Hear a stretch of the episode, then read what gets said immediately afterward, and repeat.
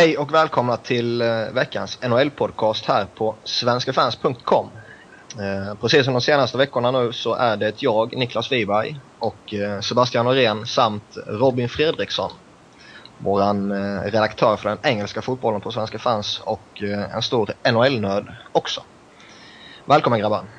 Tackar! Tack, tack! Vad såg ni någonting under nattens matcher eller? Ja, småkollade på lite allt möjligt faktiskt. Mm. Uh, nej, det var ju trevligt att se eh, Flyer, ditt kära Flyers. Uh, ännu en straffförlust där. Ja, fan det, det var som jag läste på internet att um, så fort matchen går till straffar så kan ju de sluta sända matchen och gå direkt till att börja prata eftersnack liksom. Uh, kan varken göra mål eller uh, rädda motståndarnas straffar så att säga. Ilja Bruskalov gjorde ju en jättebra match till exempel, men uh, släppte in båda målen i, i straffläggning. Var det samma straffskytte som vanligt? Alltså, Vad sa du? Var det samma straffskytte som vanligt? Brier, Jagr och... Ja, Brier fick lägga första och sen uh, Wayne Simmons. Båda brände. Sen skulle Claude Giroux lagt tredje egentligen. Okej. Okay. Men det, det kvittar vem de skickar fram liksom. Oavsett om det är Claude Giroux som är tvåa i poängligan eller om det är liksom... Ja, vad ska man ta? Jody Shelby. Ja. Så, så kan man bränna liksom. Det, Peter Laviolette säger att man inte riktigt har haft möjlighet att träna det på grund av eh, ett spelschema som har gjort att man fått eh, flänga fram och tillbaka och hit och dit och över hela Nordamerika liksom. Och visst, det ligger säkert lite i det också, men det är också en bortförklaring som känns sådär ja, det måste ju mer vara mentalt straffad. Det har ju liksom, alltså, det har ju alla spelare kört hela livet liksom. Ja, alltså det enda jag kan uh, tänka mig att det kan påverka det är kanske målvakterna om man inte får så många straffar mot sig uh, under träning heller. Liksom. Men uh, ja, nej det är märkligt. Sen gjorde Evgenij Nabokov gjorde ju en mäktig match liksom. Mm, verkligen. Det var lite av en mur där faktiskt. Han gjorde ett par riktiga goa idioträddningar. 45 ja, räddningar va? 45-18 i skott. Uh, Och han, uh, dels hade han ju en, en, en ruskig flyt med sig liksom att uh, var han skymd så fick han skotten rakt på sig och de han såg, de tog han liksom. Så det, och det var ju inte så att uh, Flyers gjorde en dålig offensiv match utan de uh, fräste på rätt så rejält och hade väldigt många heta målchanser. Så uh, Islanders ska definitivt vara nöjda att de hade han i mål. Mm. Ja, sedan så hade vi ju uh, Vokun gjorde en jäkligt bra match när Washington slog Florida 4-0. Han hade väl 42 räddningar om inte helt fel. Mm. Och det är väl andra raka nollan mot Florida tror jag som han har. Så, så ju Martin Brodeur höll ju nollan med ju. Mm. Ja, han gjorde också ett par, uh, par sjuka räddningar faktiskt. Ja, han nöjer sig med 30 räddningar. Mm. Och även, äh, även Lundqvist gjorde en bra match. Det ska vi ju tillägga också. Ja, men det borde han göra. Han borde väl haft ett mål där också? Rangers. Ja, det, jo absolut. Eh, de gjorde ju ett kvitteringsmål med ja, tre sekunder kvar eller vad det nu kan ha varit. Men eh, det blev bortdömt för att de eh, domarna tyckte att det var goaltender interference. Men eh, på reprisbilderna så ser man att Rangers får... crosscheckar in Rangers-spelaren rätt Ja, exakt. Nej, man ser det att Rangers-spelaren försöker stanna i god tid innan men så får han en knuff då bakifrån. Ja, en riktig crosschecking också. Det var inte vanlig knuff direkt. Mm. Nej, men det är ju så ibland. Domarna har väl en tendens att låta mer, eller vara mer petiga när det är liksom slutsekunder. Ja, framförallt när målvakten är involverad också. Ja. ja. Annars så kan jag väl tillägga att Ovechkin gjorde två, två mål också. Eh, mm. I matchen mot Florida. Två snygga mål faktiskt. Det går ju fortsatt tungt för Chicago också. Mm. Eh, en ja, poäng på de sex senaste matcherna. Den matchen såg jag i natt. Uh... Ja, det var ju mot ditt kära Colorado. Ja, så det var kul att de äntligen vann efter fem matcher utan två poänger. Men... Eh, nej, Chicago var... De var inte jättedåliga, men Colorado var väl lite bättre helt enkelt. Eh, O'Reilly och Landeskog fortsätter leverera bra och... Eh, ja, Chicago har ju målvaktsproblem. Det står såklart. klart. Ray Emery är inte heller eh, Sidney, eller Crawford, så är inte han något bra alternativ. Nej, men samtidigt så har de väl gått ut och sagt att de inte ska försöka trada till sig någon målvakt. Så får se hur det går där. Annars kan vi Nej, de, nej, de känns ju... Försvarsbesättningen måste definitivt stärkas upp. Eh, För det har man märkt nu de senaste matcherna om inte annat att det är lite tunt bakom de stora namnen. Eh, Och jag tror också att en sån som Cole Crawford kan, eh, kan göra väldigt bra ifrån sig bakom en, en djup och ordentlig backbesättning. Jo, antagligen, antagligen så behöver de inte ge upp lika mycket heller för att skaffa två vettiga backar än om de skulle gå för en riktig stjärnmålvakt. Nej, nej precis. Så det är väl ganska logiskt. De, man ska ju inte släppa in... Alltså nu var ju visserligen sista i tom bur, men man fick liksom inte ett enda powerplay mot sig på hela matchen. Då ska man inte släppa till så mycket. eh, Som de gjorde. Nej, det håller jag med om. Sen kan vi väl tillägga att Phoenix vann sin tredje raka match när de slog eh, Dallas. med 4-1. Ja, de fortsätter ha känn på slutspel i Western. Ja, just nu ligger man ju eh, delad med Minnesota. De har väl... eh, eh, Jag tror de har en match mindre spelad än Minnesota. Det stämmer. Väldigt målsnål. Sjukt få mål. Ja, Sedan så får vi väl se här också. Just nu så har ju Devils har ju bästa streaken just nu ligger med fem vinster. Så vi får väl se hur länge det håller upp. Så länge Ja. Kovalchuk är på spelhumör förmodligen. Sen tappar de väl igen. Ja, jag menar kan Brodor fortsätta att spika igen? Detta var hans första nolla för säsongen tror jag. Ja, han måste ju vakna eh, till den formen han var för ett par år sedan.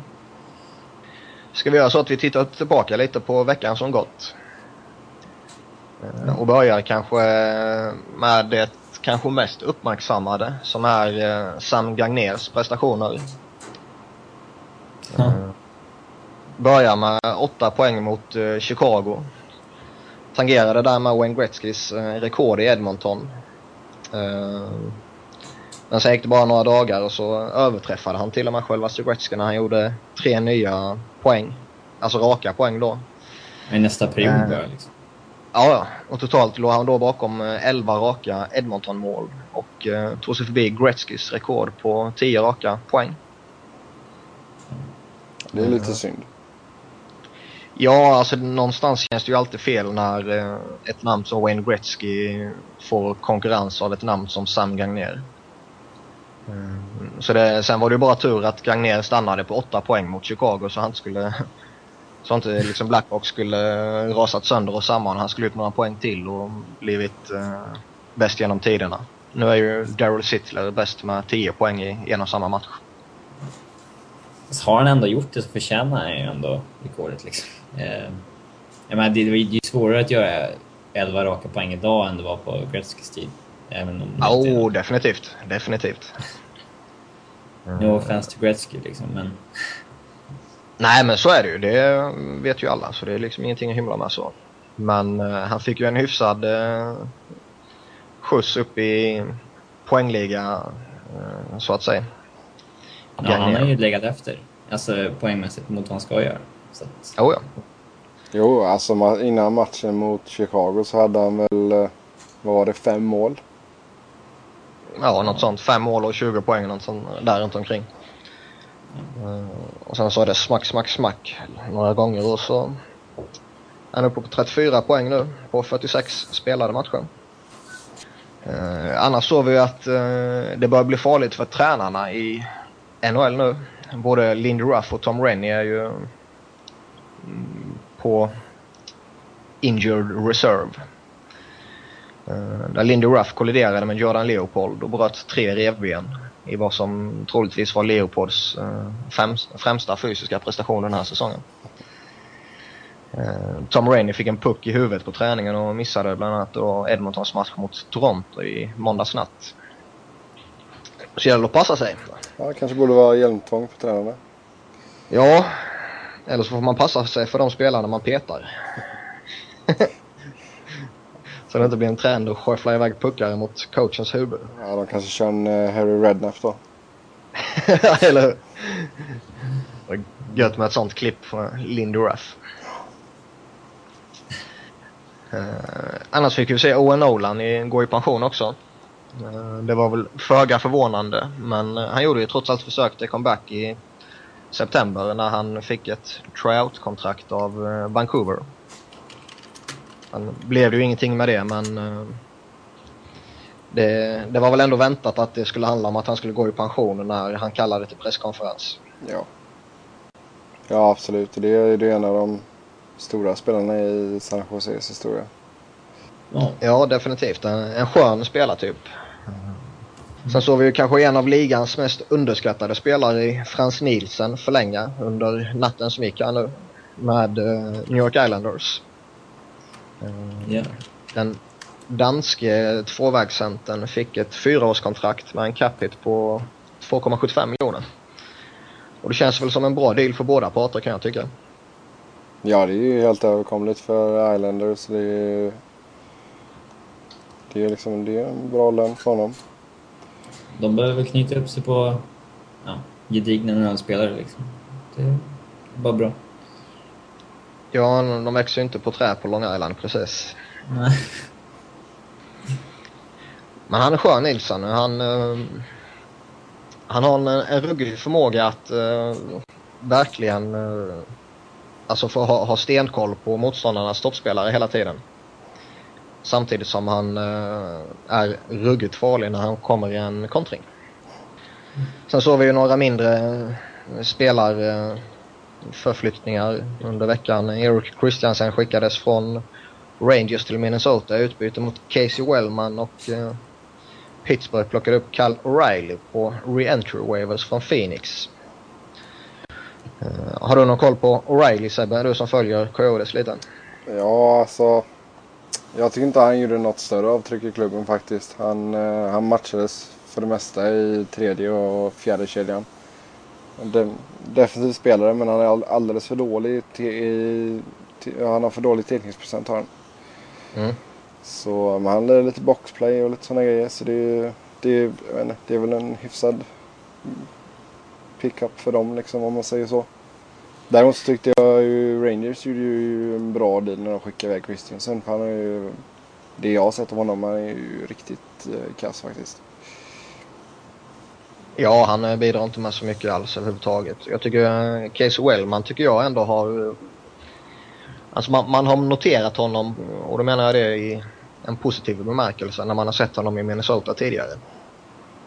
Uh, O'Reilly känns väl som en vettig pickup som du sa nu när Pittsburgh har de skadorna de har på sina centrar. Mm. Nej, men sen jag tror att Rangers deal var lite också för att få lite cap space också va? Ja, det tror jag med. Men det kan vi ju komma till lite senare. Det kommer vi definitivt till lite senare. Um, Sen såg vi under veckan också att uh, Scott Gormes nu har gått mer än ett år utan att göra mål för Montreal. Uh, under den här tiden har Canadiens betalat honom drygt 7,85 miljoner dollar. Och uh, det finns ju en lite småskön hemsida, didgomesscore.com, där eh, man kan följa Gomes målskytte, eller bristande målskytte kanske man ska säga. Där de räknar ner antalet dagar och sekunder och minuter och hela grejen till, eller sen hans senaste mål. Tragiskt. Så har ni inte kollat in den tycker jag definitivt ni ska göra det. Man undrar ju vad som har hänt liksom. Ja, det tycker jag också på. Alltså, nog för att han var, alltid varit överbetald och sådär, men alltså han... Alltså, han har ändå liksom... Han ska ju ändå göra typ mellan 60 och 80 poäng.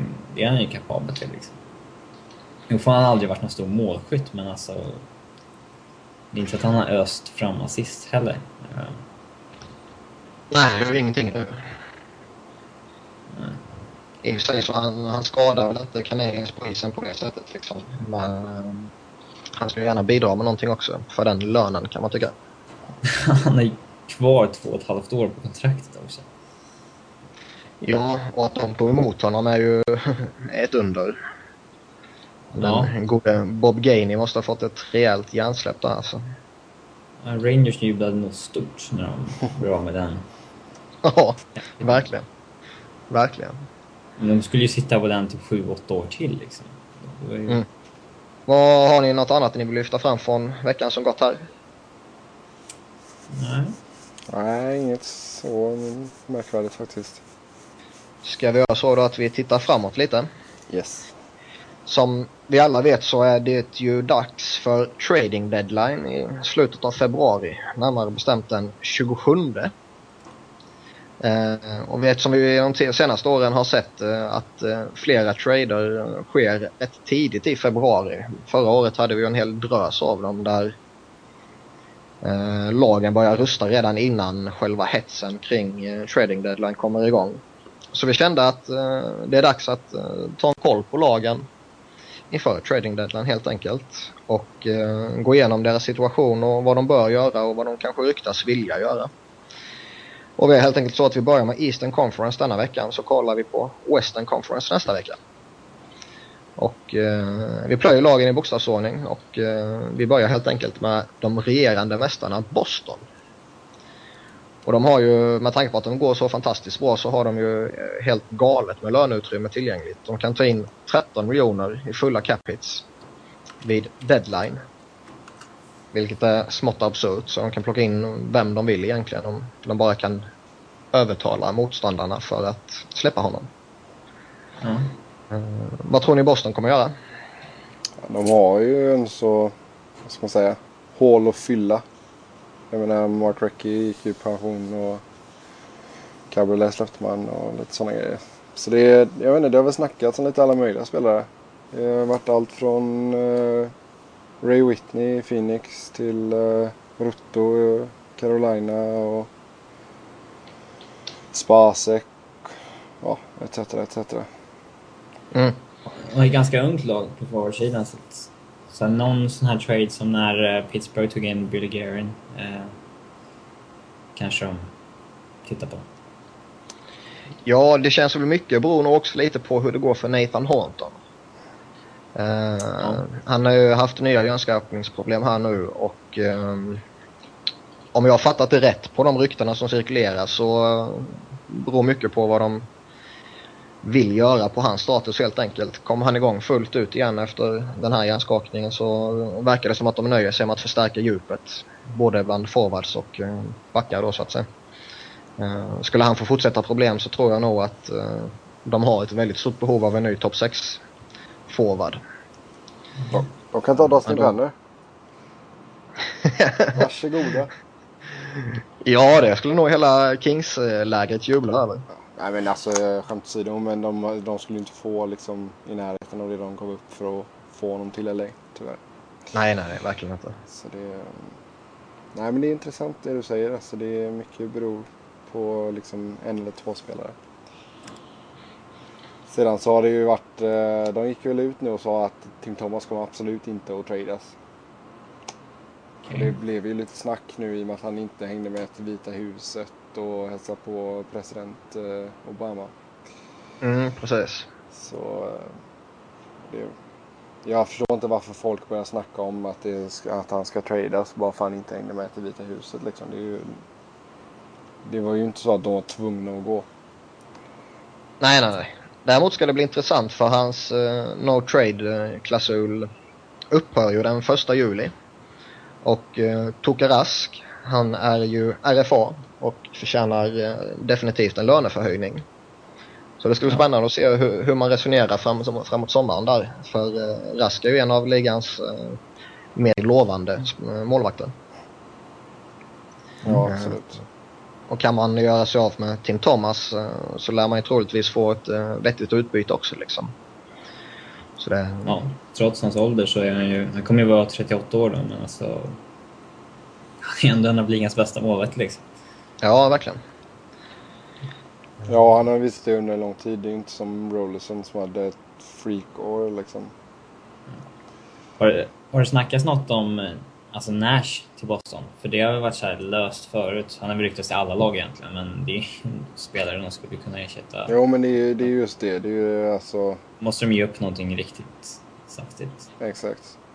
Sen är ju frågan om Boston vill uh, rugga för mycket på den uh, kemin man har byggt upp det här senaste uh, året, uh, ett och ett halvt året. Ja.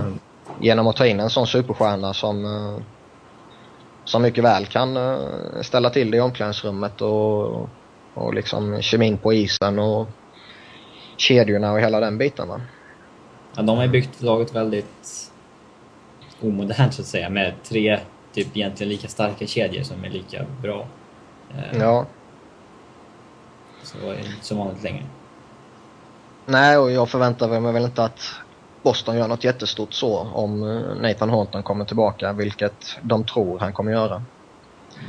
Mm. Um, men som sagt, eh, djup både bland forwards och, och backarna sägs de vilja vara ute efter. Men å andra sidan så vill väl nästan alla lagen inför, inför slutspelet det. Mm. Ska vi kika vidare på Buffalo kanske? Ja. ja. Eh, och det känns väl som att slutspelshoppet är definitivt borta för dem nu.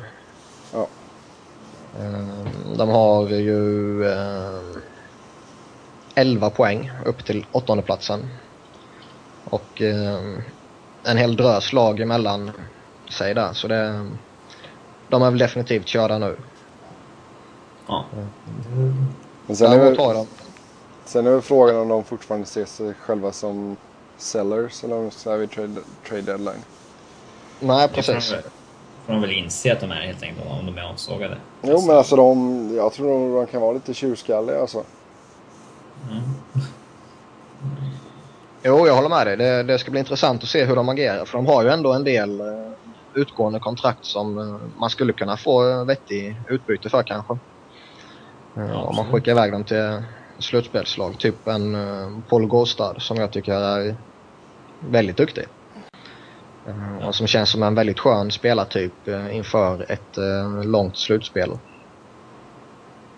Sen är ju frågan då liksom om vill man behålla honom i framtiden så vågar man kanske inte riskera att skicka iväg honom. Sen har man ju både Brad Boyce och Joshua Hecht som, så det man får väl vara glad om man kan få något halvdant draftval för de två. Mm. Den jag kan tänka mig kanske... ja. Uh, Hect, Hect, han har väl en hjärnskakning? Mm. Ja, och den, den jag kan tänka mig ett lag kanske vill satsa på det är Brad Boys. Uh, om man tror att han kan hitta sitt målskytte igen. Men det känns inte som det blir något uh, väldigt attraktivt man får för honom liksom. Däremot nämns ju Drew Stafford i trade-rykten. Att uh, det är en spelare som Buffalo kan tänka sig ge upp för en rätt deal så att säga. Han har ju verkligen inte kommit igång på samma sätt. Fyra år. Han sitter ju på lite fett kontrakt. Ja, det är ju det. Sen samtidigt, alltså 4 miljoner cap hit, det är inte så jättevärdelöst med, på dagens marknad ändå alltså. Om han kan hitta målskyttet igen då givetvis. Annars känns det väl som att uh, Buffalo är rätt så... Vad ska man säga? De har inte så mycket att göra egentligen. Uh, utan deras stjärnor har väl kontrakt som man kanske inte kan göra sig av med egentligen. Utan att ta uh, emot lite tråkiga saker så att säga. Mm. Thomas Warneck och Jason Pomineville och framförallt då Ville Leino och Christian Ehrhoff som inte alls har lyckats i, i Sabres. Ja, det är svårt att se dem bli av med dem faktiskt. Mm. Och jag menar, sen kan vi ju avskriva alla rykten om Ryan Miller också. Ja, jag har väldigt svårt att se att han lämnar. Ja. Ska vi kika vidare kanske? Ja. Carolina. Känns väl som ett av de mer intressanta lagen inför trading deadline. Uh, nu har de i och för sig tagit bort Tim Gleason från marknaden men uh, det är många fina namn som fortfarande är kvar där. Och där Tomo Roto kanske är en av de mer attraktiva. Verkligen. Lite om Jaroslav Spasek igen alltså. Eh, men det... Jag ser inte... Jag skulle inte vilja ta in honom Nej, alltså Spasek, det, det som talar för honom det är ju kanske att uh, han har en rätt så gedigen slutspelserfarenhet. Mm, och kanske kan bli en vettig Eh, back i ett tredje par eller något sånt där i, i en backbesättning som uh, har två väldigt starka första par. Men han lär väl inte ge sådär jättemycket utbyte för Carolina kan jag tänka mig. Nej, men det är ändå en spelare som de inte kommer förlänga med i sommar förmodligen. Oavsett. Nej, verkligen. verkligen. Den mest attraktiva backen de har är väl annars kanske Brian Allen. Ja, Som-. För, för min del är lite av en personlig favorit som jag gärna ser i Flyers. Ehm, en stor, stark, eh, lite småfull defensivspecialist som är, eh, som är bra framför egen målbur och eh, är väl egentligen den, den sortens spelartyp som så extremt väldigt många lag vill ha inför ett slutspel. Mm. Så hans pris kan nog upp en del. Eh, Det, det tror jag nog. Många lag kopplas ju samman med honom. Eh, Men som vi sa innan så Tomoroto är nog den mest attraktiva spelaren där. Ja. Och liksom Vancouver, Los Angeles, Chicago, Minnesota, Rangers, Boston, Ottawa. Alltså må många lag ryktas eh, vara väldigt, väldigt intresserade av honom. Däremot sägs ju Hurricanes vilja ha rätt så saftigt utbyte för honom. Antingen ett, eh, ett fint, fint draftval och ett eh, väldigt stabilt framtidsnamn eller ett riktigt saftigt framtidsnamn. Och det är frågan om, om lagen är redo att betala det för Roto. Det är väl tveksamt med tanke på... Man vet ju aldrig vad som händer under sommaren liksom. Nej, det är ju så. Så det är, många spekulerar ju att uh, Ruto kommer behandlas på samma sätt som Gleason gjorde. Att uh, Carolina kommer lyssna på vilka erbjudanden man får och uh, är man inte nöjda med dem så förlänger man med honom helt enkelt. Om Ruto själv vill det då givetvis. Va? Mm. Men det är, sen har de ju sån som Chad LaRose också som jag är väldigt förtjust i också och som är en, en bra rollspelare för en tredje kedja till exempel med ytterligare ett år på 1,7 miljoner. Får man bra utbyte för honom så kan man nog mycket väl tänka sig att släppa honom kan jag tänka mig. Och deras säsong är ju till 100% körd. Mm. Eh, Och jag är väldigt svårt att se att de ger sig ut för att förstärka laget liksom.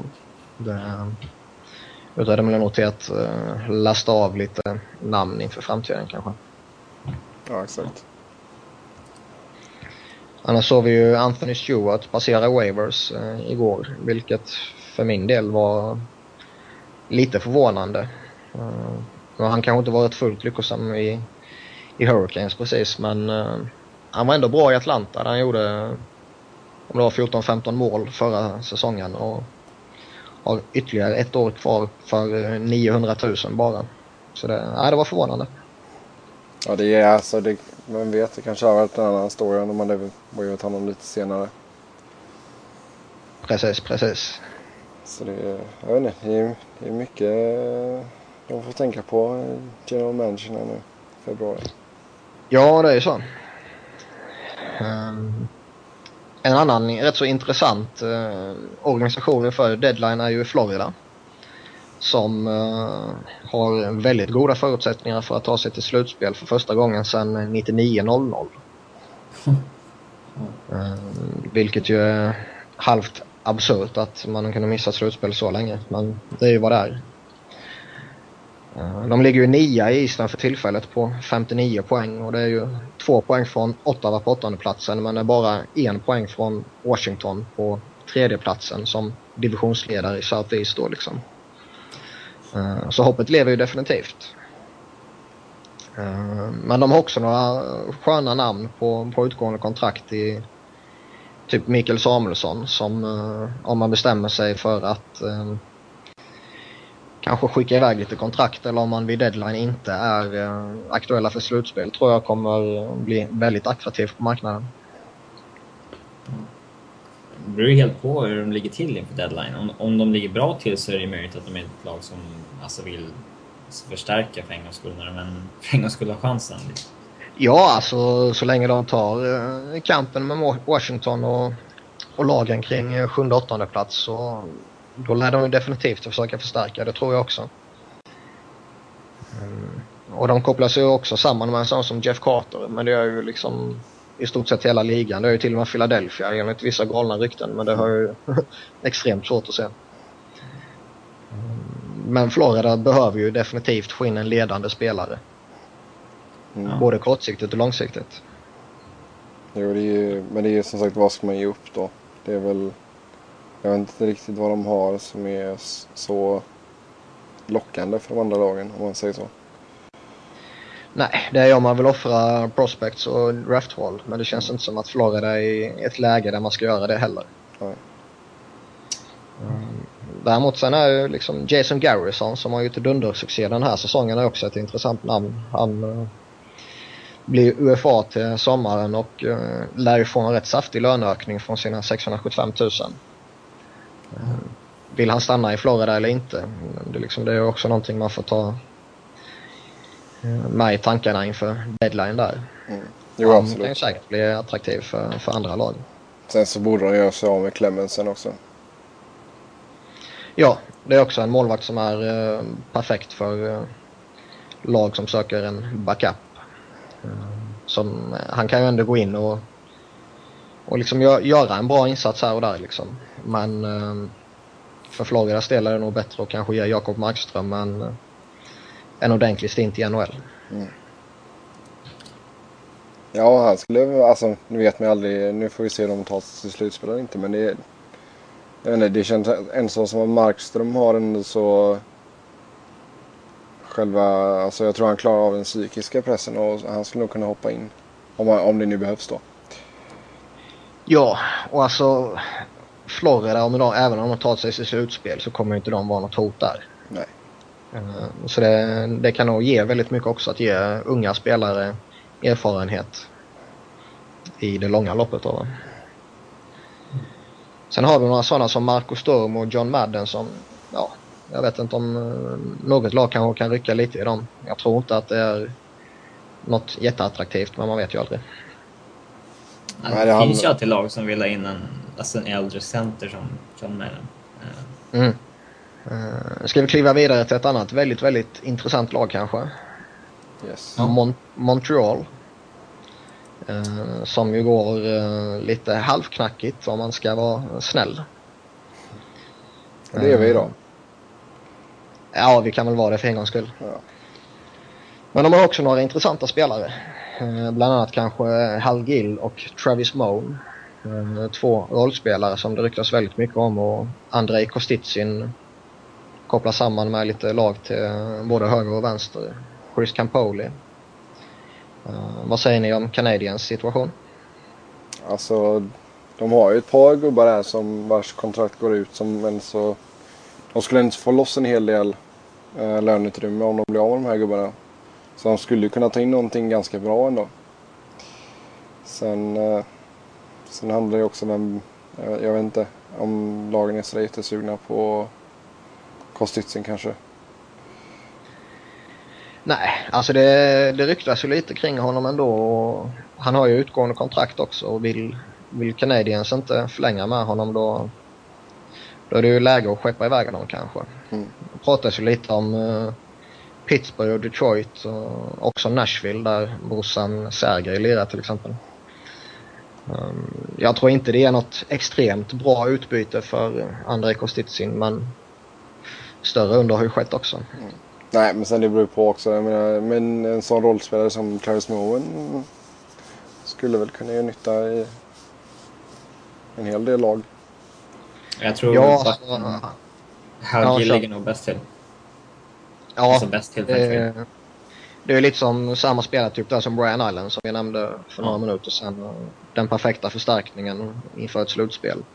för typ ett Chicago eller något sånt där. Eh, Ja. Eh, Chicago ryktas ju om honom, Philadelphia ryktas rätt mycket om honom, Pittsburgh ryktas en hel del om honom och där vann han ju Stanley Cup 2009 till exempel. Så han lär ju definitivt flytta på sig, det tror jag. Eh, Travis Moan kopplar samman med rätt många lag men eh, de starkaste ryktena säger San Jose. Mm. Ja, han skulle nog passa bra in där. Eh, en Chris Campoli kan eh, mycket möjligt dumpas för ett uh, draftval här och där liksom men det är ju inte direkt någon som går in och styr upp en backbesättning liksom. Nej. Nej, han är inte en förstärkning för något lag egentligen. Nej, det handlar ju om man vill få in någon, eh, någon spelare som ändå har varit bara. med lite tidigare för att eh, precis bredda en backbesättning för slutspelet så man kanske slipper, om man säger så, lira en rookie utan någon större erfarenhet. Ja, men det kan väl typ vara ett nödalternativ för Flyers om de inte skulle få in Gill eller något sånt där. Ja. Sen har de ju en sån som Matthew Dodge till exempel, men det känns inte som han blir jätteattraktiv heller. Sen har de några RFAs bland forwards också, bland annat Lars Eller, men det känns som att det är liksom inget jätteattraktivt där heller.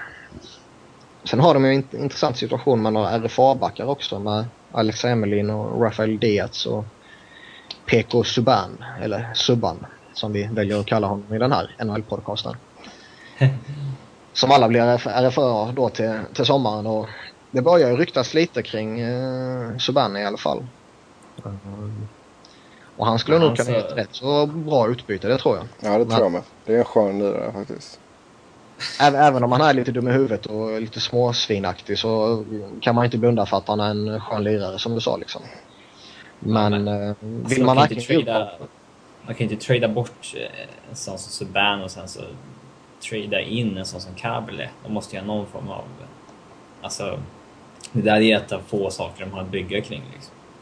Ja, man tycker det. Eh, så det är därför de här ryktena är så förvånande tycker jag. De har inte många andra unga prospects att ja, bygga ett storlag kring. Nej, speciellt inte på backsidan. Det ser ganska tunt ut. Men eh, det beror helt på om man får utbyte tror jag. Ja. Jo, givetvis. Eh, men som sagt, vore jag Canadiens då skulle jag nog behålla honom. För det, han har potentialen att bli en franchiseback. En offensiv franchiseback då så att säga. Absolut. Däremot kanske han behöver snappa till sig uppe i skallen. Men det, det är en process som de säkert arbetar med Canadiens. Det tror jag nog. Inga mer kloka ord om Montreal från er två kanske? Nej. Då går vi vidare till New Jersey helt enkelt. Mm. Uh, och de har ju gått extremt bra mot slutet här med tanke på att uh, Travis Sajak, uh, Adam Larsson och Henrik Talinder saknas på grund av skador och rookien Adam Hendrick har haft lite ljumskproblem senaste tiden. Mm. Um, kommer Devils göra någonting tror ni? Det skulle vara göra sig av med Parisi. Ja, det är en ganska... Det är väl den hetaste potatisen. Mm. Eh, det är väl typ 29 NHL-lag som rycker i honom. Så att, eh, någonting lär väl ske. Kanske inte nu dock, men i sommar kanske. Ja, eh, vi har ju pratat lite på Reese tidigare och det känns som att eh, det, det, är ändå en risk de tar om de inte lyckas förlänga med honom eh, innan deadline. Han sticker i sommar. Han sticker i sommar. Ja, mycket ja. tyder ju på det. Och då är de har väl inte råd att ge honom den lön han förtjänar? Eller? Nej, alltså det finns ju väldigt många konstiga rapporter kring deras ekonomi. Eh, bland, vi har ju pratat om det för ja, två, tre veckor sedan eller vad det var. Eh, där de har eh, ekonomiska problem. Det är liksom ingenting att hymla med. Och många rykten säger att de inte får ta, ta in någon lön och vissa rykten säger om att de att de inte kan ge Paris de summorna som han förtjänar och som han ska få. som man vet inte. Det är ändå läskigt att trada till sig honom för att det är liksom så många lag som är intresserade så att hans värde stiger ändå en del även fast New Jersey måste bli av med honom. Och så tar du då in honom och så har du... Då måste det ju ändå vara ett lag som ser till att du har råd att förlänga med honom i sommar också. Och så ska ja. han ju till så att han verkligen gillar att vara där annars... Han är ju inte restricted i sommar. Nej, och man får nog se till att, att få Devils tillåtelse att uh, kolla om han är sugen på att förlänga innan man tradar till sig honom kanske. Exakt. Ja. Um, ser man annars det vad laget skulle behöva så kan jag kanske se att uh, en ny back handlas in och uh, kanske någon veteranforward för uh, andra tredje kedjan kanske. Ja, deras backbesättning är inte särskilt imponerande. Ja, man skulle behöva typ. fem nya. ja, Luchenko blir inte alltså- alls den back han var i Ottawa och Adam Larsson får ju mest spela för att han är en framtidsman. Han är inte jätte, jättebra i dagsläget, tycker jag. Nej, nej. Och, men ändå så utarmas backbesättningen rätt så rejält när både han och Talinder är borta. Ja. Uh, så där, där ser jag ett behov av att förstärka om man vill uh, kunna göra någonting i ett slutspel. Jag tror inte Devils kommer gå hela vägen men uh, man kan säkert ställa till det i en slutspelsrunda eller två kanske. Ja. Men det beror också som, som vi var inne på när vi pratade om, om nattens matcher att uh, Brodeur måste ju hitta den, den formen som, Mm. som han har haft tidigare. De måste ju ha en ny målvakt Devils, men kanske inte nu. Det är väl mer ett problem i sommar. Ja. Precis, precis. Jo men sen de har ju, vad är det, halva laget som sitter på utgående kontrakt typ. Så, Det är väldigt, väldigt många i alla fall. så jag menar kan man bli av med några av dem kanske lite mindre namnkunniga där så. man får in lite, ja det kanske behövs lite nytt blod bara också. Jag menar kan man ge sig av med Salvador så då har man gjort en bra affär. Ja, och jag tror också att det, är- det är också lite den här spelartypen Hal Gill, Brian Allen. Eh, Kanske inte riktigt lika, lika bra men ändå en helt okej mål, eller målvakt höll jag på att säga. en, he- en helt okej back framför egen målvakt. Mm. Som kan undan lite där. Man kan, kanske man kan eh, skicka iväg Ponikarovski också. Få någonting hyfsat utbyte. Men som sagt, my- mycket beror ju på vad som faktiskt stämmer med deras ekonomiska situation. Så det känns som att um, allting från att de dumpar iväg eh, Paris och Salvador och någon till till att de förstärker kan ske. Ja, alltså är, är de inte under tvång så, alltså att, att släppa honom så, då kan de ju invänta bara det saftigaste budet för det kommer ju vara en, minst en 20-lag som är intresserade av Crazy. Ja, säkert. Ska vi hoppa vidare till Islanders kanske? Ja. Eh, De är ju avsågade från slutspelet får man nog ändå säga. Man har gått rätt bra ändå. Eh, Nu förlängde de ju i natt med en av de eh, mest attraktiva namnen de hade med utgående kontrakt då i Frans Nilsson som vi nämnde tidigare. Ja. Men de har ju några veteraner som kan skeppas iväg typ Ryan Rolston, Jay Pandolfo, Mark Eaton, eh, Steve Stajos, Milan Jutsina. Nabokov. Nabokov. Ja. Jag tänkte komma till den nu. Evgenij Nabokov som uh, fortsätter han spela som han gjorde i nattens match mot Flyers så eh, kan han gå in som startmålvakt i betydligt bättre lag än, än Islanders liksom. Väl att Detroit ska försöka få in honom igen. Ja, alltså Conklin är kanske inte den mest förtroendegivande spelaren för tillfället. Uh, Jimmy Howard har ju haft en jättebra säsong. ja. Eh, Men däremot eh, tror jag nog att Detroit också kanske kan tänkas leta efter en backup-målvakt. ja, Conklin är jättedålig. Ja. Och Nabokov lär ju Han är säkert dålig, acceptera en trade till Islanders liksom. Eller till Red Wings liksom. Annars tror jag då att de här backarna, Eton, Stiles och Jusina kan ge lite intresse också.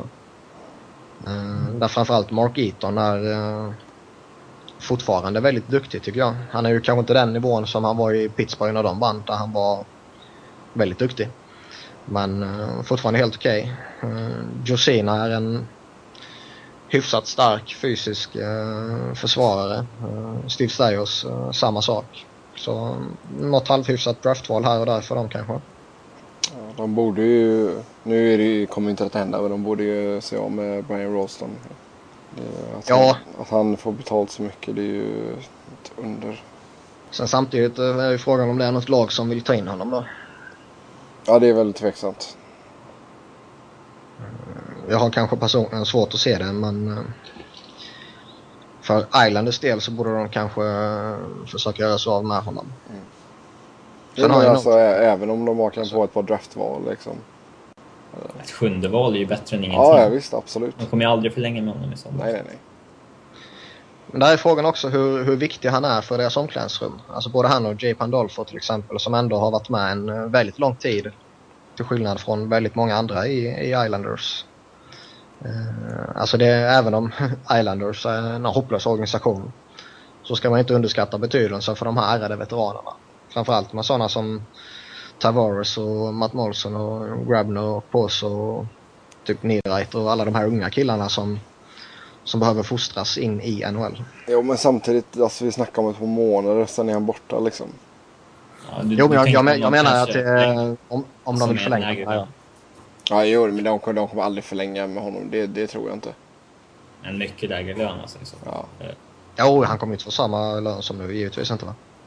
Men... ehm, det kan ändå vara värt att, att ha det i bakhuvudet just alltså hur, hur, eh, hur det funkar i omklädningsrummet vilket är svårt att ha koll på ju. Alla äldre spelare är inte alltså, villiga att, alltså, att skeppas iväg av, klubb, av klubbarna. Nej, familjesituationen och uh, ungarnas uh, skolgång och grejer påverkar ju väldigt mycket där. Mm. vissa har ju liksom lite luriga no trade-klausuler och sånt där också. Uh, alltså, vissa råkar ju ge sådana till spelare som inte borde ha sådana och då sitter de lite jobbigt.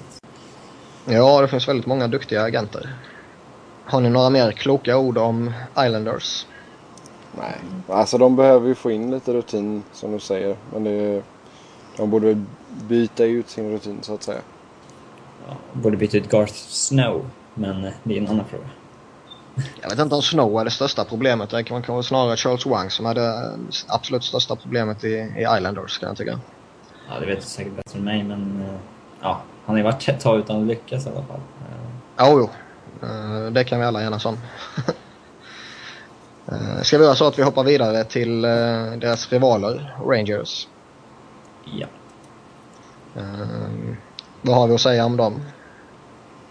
De är bra. Riktigt bra. de är helt okej okay, om man säger så. Nej men alltså, jag vet inte, där har vi väl, alltså de borde ju försöka, något lag borde ju ändå kunna ta Avery kan man tycka. Det var ju när han sattes eh, på Wavers skickades ner senast så var det bara några dagar senare som eh, det bekräftades att eh, minst ett lag hade bett Rangers sätta honom på reentry Wavers igen för att plocka honom därifrån.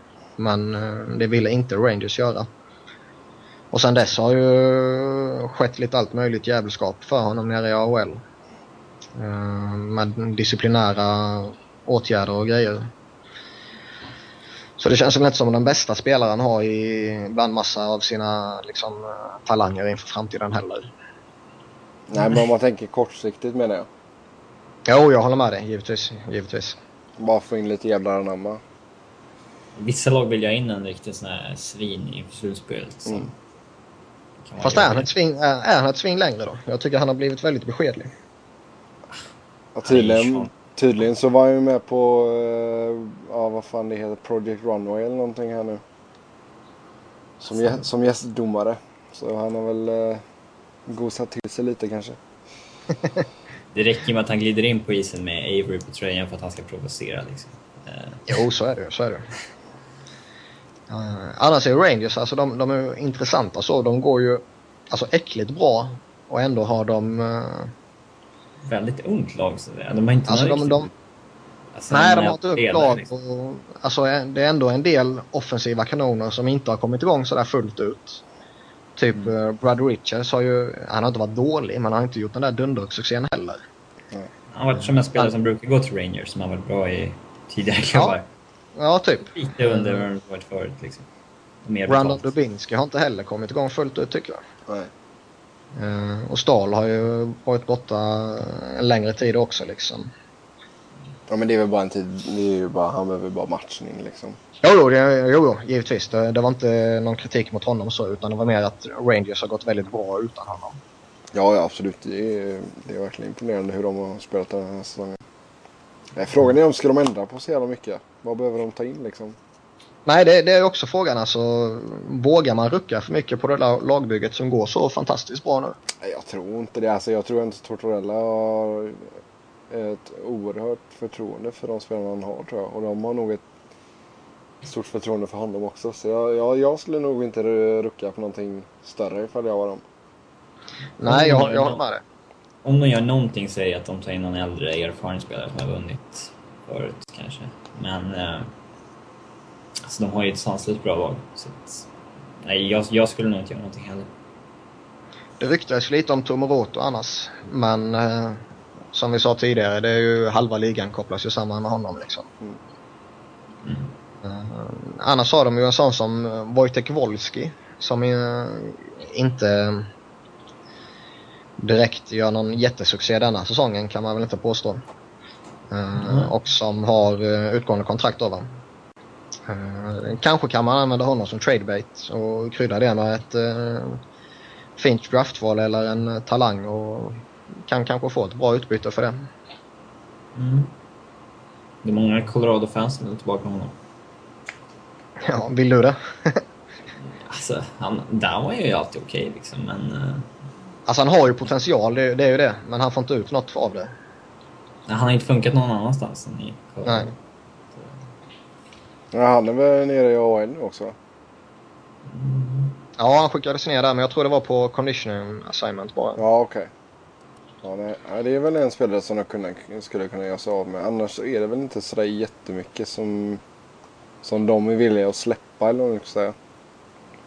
Ja, för, jag, rätt. för jag tror, jag menar, även om, jag menar, Fedetenko har ju inte riktigt, ja, han gör ju inga större avtryck i, eh, i poängstatistiken. Men det är nog en, som du säger då, med det här med inställning och omklädningsrum.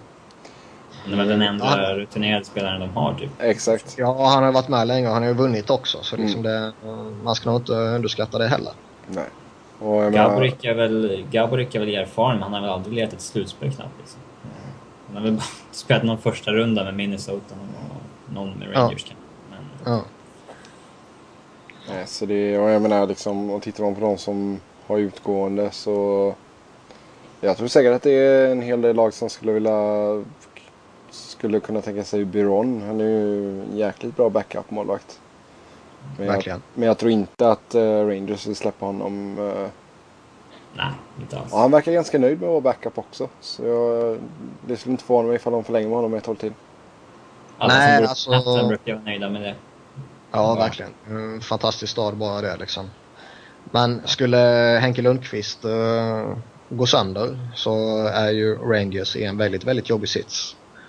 Och det, det är nog väldigt få backup-målvakter i ligan som uh, har den uh, kvaliteten då som Martin Biron skulle kunna bidra med och gå in och lugna ner det en del. Mm. Han är makalösa siffror för att vara en backup-målvakt. Ja, plus att han är ju extremt omtyckt i, omklädningsrummet. Mm. Det har han alltid varit i, liksom i Buffalo och Philadelphia och nu i Rangers och när han var i Islanders också. Mm. Så då, jag, jag, tror han bidrar med väldigt, väldigt mycket i, i Rangers. Mm. Inte bara på isen. Det gäller ju att hitta de här reservmålvakterna som är liksom tillräckligt bra för att kliva in om det, när det gäller. Men samtidigt tycker att, liksom, att vara backup-målvakt i världens bästa liga är världens bästa jobb. Eh, som ja, Pittsburghs reservmålvakt Brent Johnson som alltid tjatar om att det är världens bästa jobb. Ja. Ja, du vill inte ha, ja, ja det är ju, det är ju givet. Du vill inte ha någon som suger mm. men som är fortfarande är nöjd med det. Som La Barbara. Fick vi in den också. Dunk. Du sa ju att du skulle vara snäll idag ju. Ja, fan lite elak måste jag vara. det gäller inte La Barbara. Nej. Men det tar vi nästa vecka. Det gör vi nästa vecka. Ja. Uh, känner ni att ni är klara med Rangers? Ja. Då hoppar vi vidare till Ottawa. Som också kopplas samman med Tomoroto. Uh, men det kan man nästan sluta säga nu känns det som. Ja. Uh, annars är Ottawa också ett sånt här lag som Alltså de, de är precis mm, på gränsen, eller på gränsen, de är ovanför gränsen till slutspel för tillfället. Men eh, de har ju tappat lite nu. Eh, senaste tio har de ett eh, 2-7-1 record. Nere på åttondeplatsen. Och ehm, de har ju en del intressanta spelare på utgående kontrakt.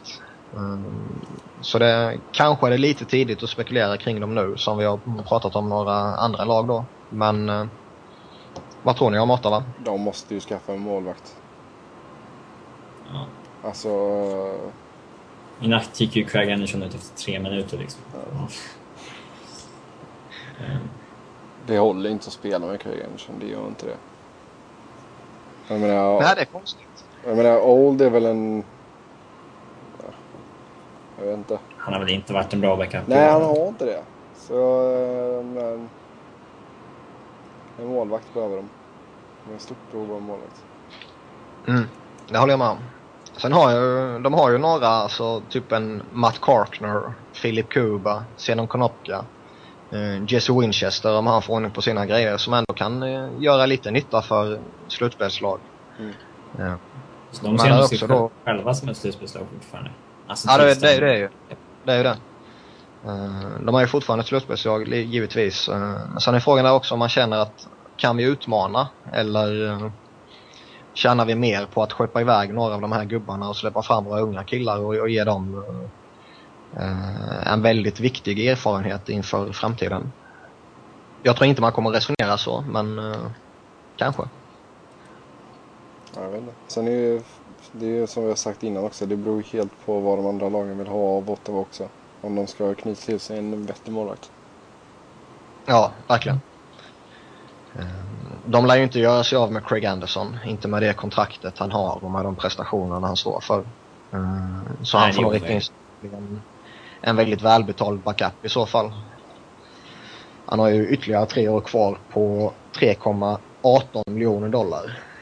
Eh, så det, det, ska nog bli väldigt tufft att, att göra sig av med honom utan att ta tillbaka ja, ett likvärdigt dåligt kontrakt för en spelare som inte presterar liksom. Mm, exakt. Mm, men de sägs ju vilja förstärka med en topp 6-forward annars. Det, är väl inte, det vill väl de flesta lagen egentligen. Ja, alltså man kan ju rabbla varenda lag och säga att uh, de vill ha en topp 6-forward och topp 4-back. Mm. Mm. Jag ser inte vad de ska kunna ge upp för att få en sån. Alltså,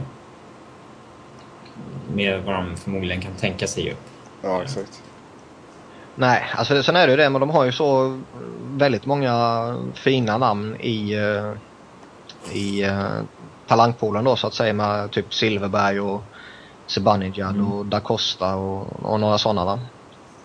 Ja. Um, så frågan är ju om man är villig att offra någon av dem kanske. Nu när Spetsa har vaknat till igen och Michalek går ju bra och Kyle Turris har ju hittat formen igen i, i Senators liksom. Ja. Det är några sådana som gör det okej okay i forwardsbesättningen med. Så kanske man är redo att offra någon av de fina namnen. Turry-situationen kan jag ha slängt, till, slängt om det helt för Zibanejad till exempel. Han kan ju helt plötsligt vara ett trade bait nu liksom. Mm. Ja, det vet jag inte om han är verkligen. Tror Alltså de, det är inte något att de vill byta bort honom. Men alltså... Det beror på vad de får. Alltså, jag tror inte att han är liksom helig som han var för Nej, helig, helig är jag nog inte. Men... Uh, ah, det är svårt att se att de skulle ge sig om honom redan. Men jag fattar var, varför plockar de inte... Eller ja. Nu har i och för sig eh, Lena inte haft några lysande syften i AHL men alltså...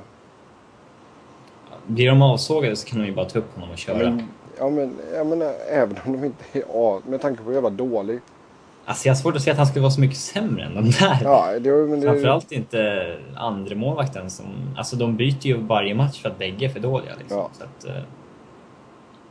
det, är väl om de själva, det är väl om de själva kanske känner att han inte är eh, fullt ut behärskar de små rinkarna. Men uh, med tanke på att han har varit där en tid nu också så borde det inte vara så. Ja.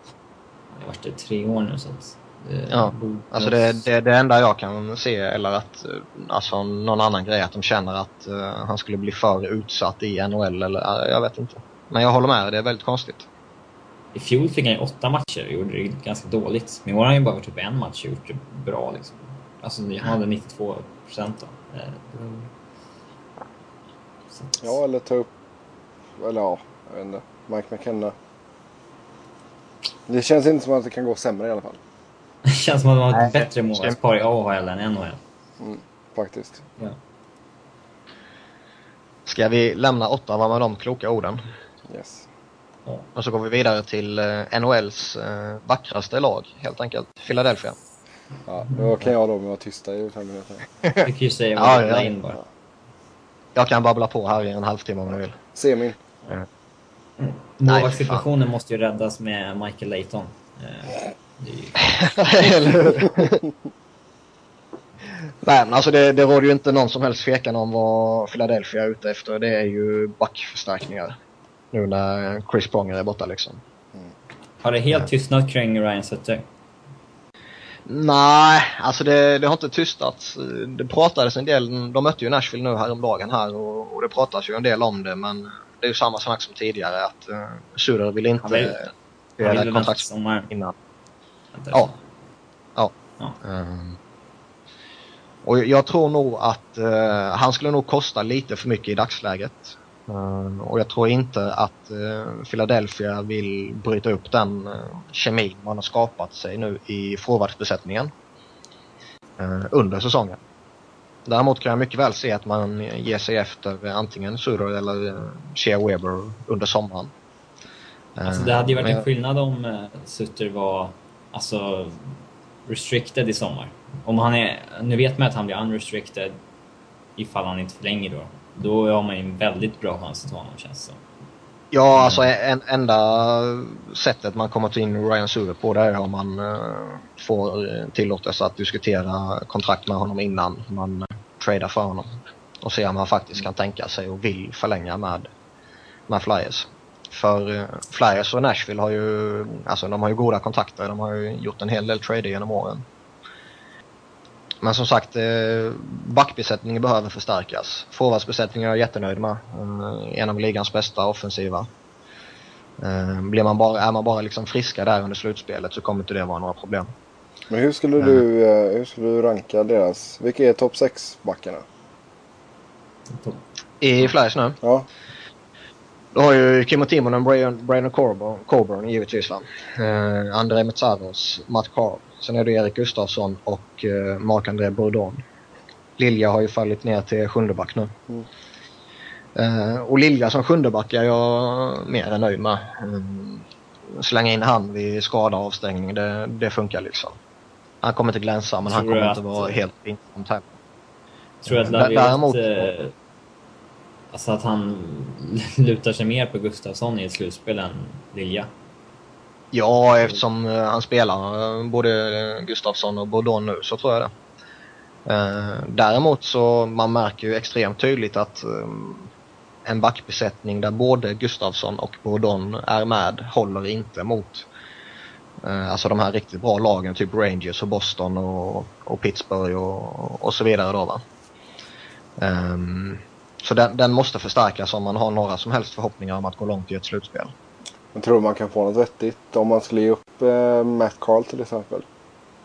Alltså Matt Carl är ju en spelare som jag definitivt kan tänka mig att eh, göra mig av med om man säger så. Han har ju utgående kontrakt och eh, jag har väldigt svårt att se hur eh, man skulle kunna få plats med eh, honom på det kontraktet som, eh, som det ryckats bli aktuellt. Han ryktades också få det här 4,5 miljoner till 5 miljoner. Och det är han inte värd helt enkelt. Han är en uh, okej okay offensiv back. Um, men han gör inte ett skit i powerplay och han är total katastrof i egen zon så länge han inte har Chris Pronger jämte sig. Mm. Nej, jag tycker det känns redan nu som att han, han borde inte få mer betalt än vad han får just nu. Han ligger nej, jag, nej, han, jag håller med. Han ligger väl en god bit över 3 va? Ja, 3,4. Ja. 3,4.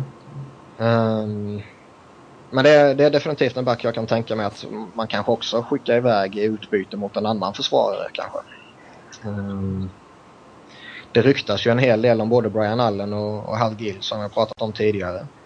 Det ryktas också lite om Pavel Kubina från Tampa Bay, Niklas Grossman från Dallas, uh, Luke Chen från Toronto har det ju pratats en hel del om ju. Uh, där då Luke Chen kommer till Flyers och James Hum Reinstike hoppar till Toronto. Men uh, varken jag eller Flyers verkar vara så jättesugna på att ge upp van Riemsdijk i dagsläget om det inte är för en... Uh, typ, en ja, typ. Men hur gör man med Leighton och uh, Backlund nu då? Backlund är i Europa nu. Mm. Han skeppar man iväg till uh, något lag i finska ligan som jag inte minns vilket var för några veckor sedan. Yes. Och Michael Leighton han, han kan ruttna i AHL. Ja. Så, så man kommer bara låta Backlunds kontrakt gå ut? Ja, han kommer, han kommer inte bli någonting ändå liksom. Ja. Um, däremot han, han hade ju en, en jättevilja och en jätteambition. Uh, men tyvärr räcker det inte. Mm. Uh, men som sagt, man kommer plocka in minst en back. Jag hoppas man plockar in två backar. Uh, för jag är orolig med både Gustavsson och Bourdon i, i backbesättningen i ett slutspel. Mm. Man skulle, man skulle, man skulle, hela vägen. Ja, ja, alltså man skulle kunna klara sig på med en av dem i backbesättningen. Uh, om man matchar rätt och, och hela den biten va. Men... Eh, så, om man ska få igång Bruskalov så måste man ju dessutom... Då måste man ju...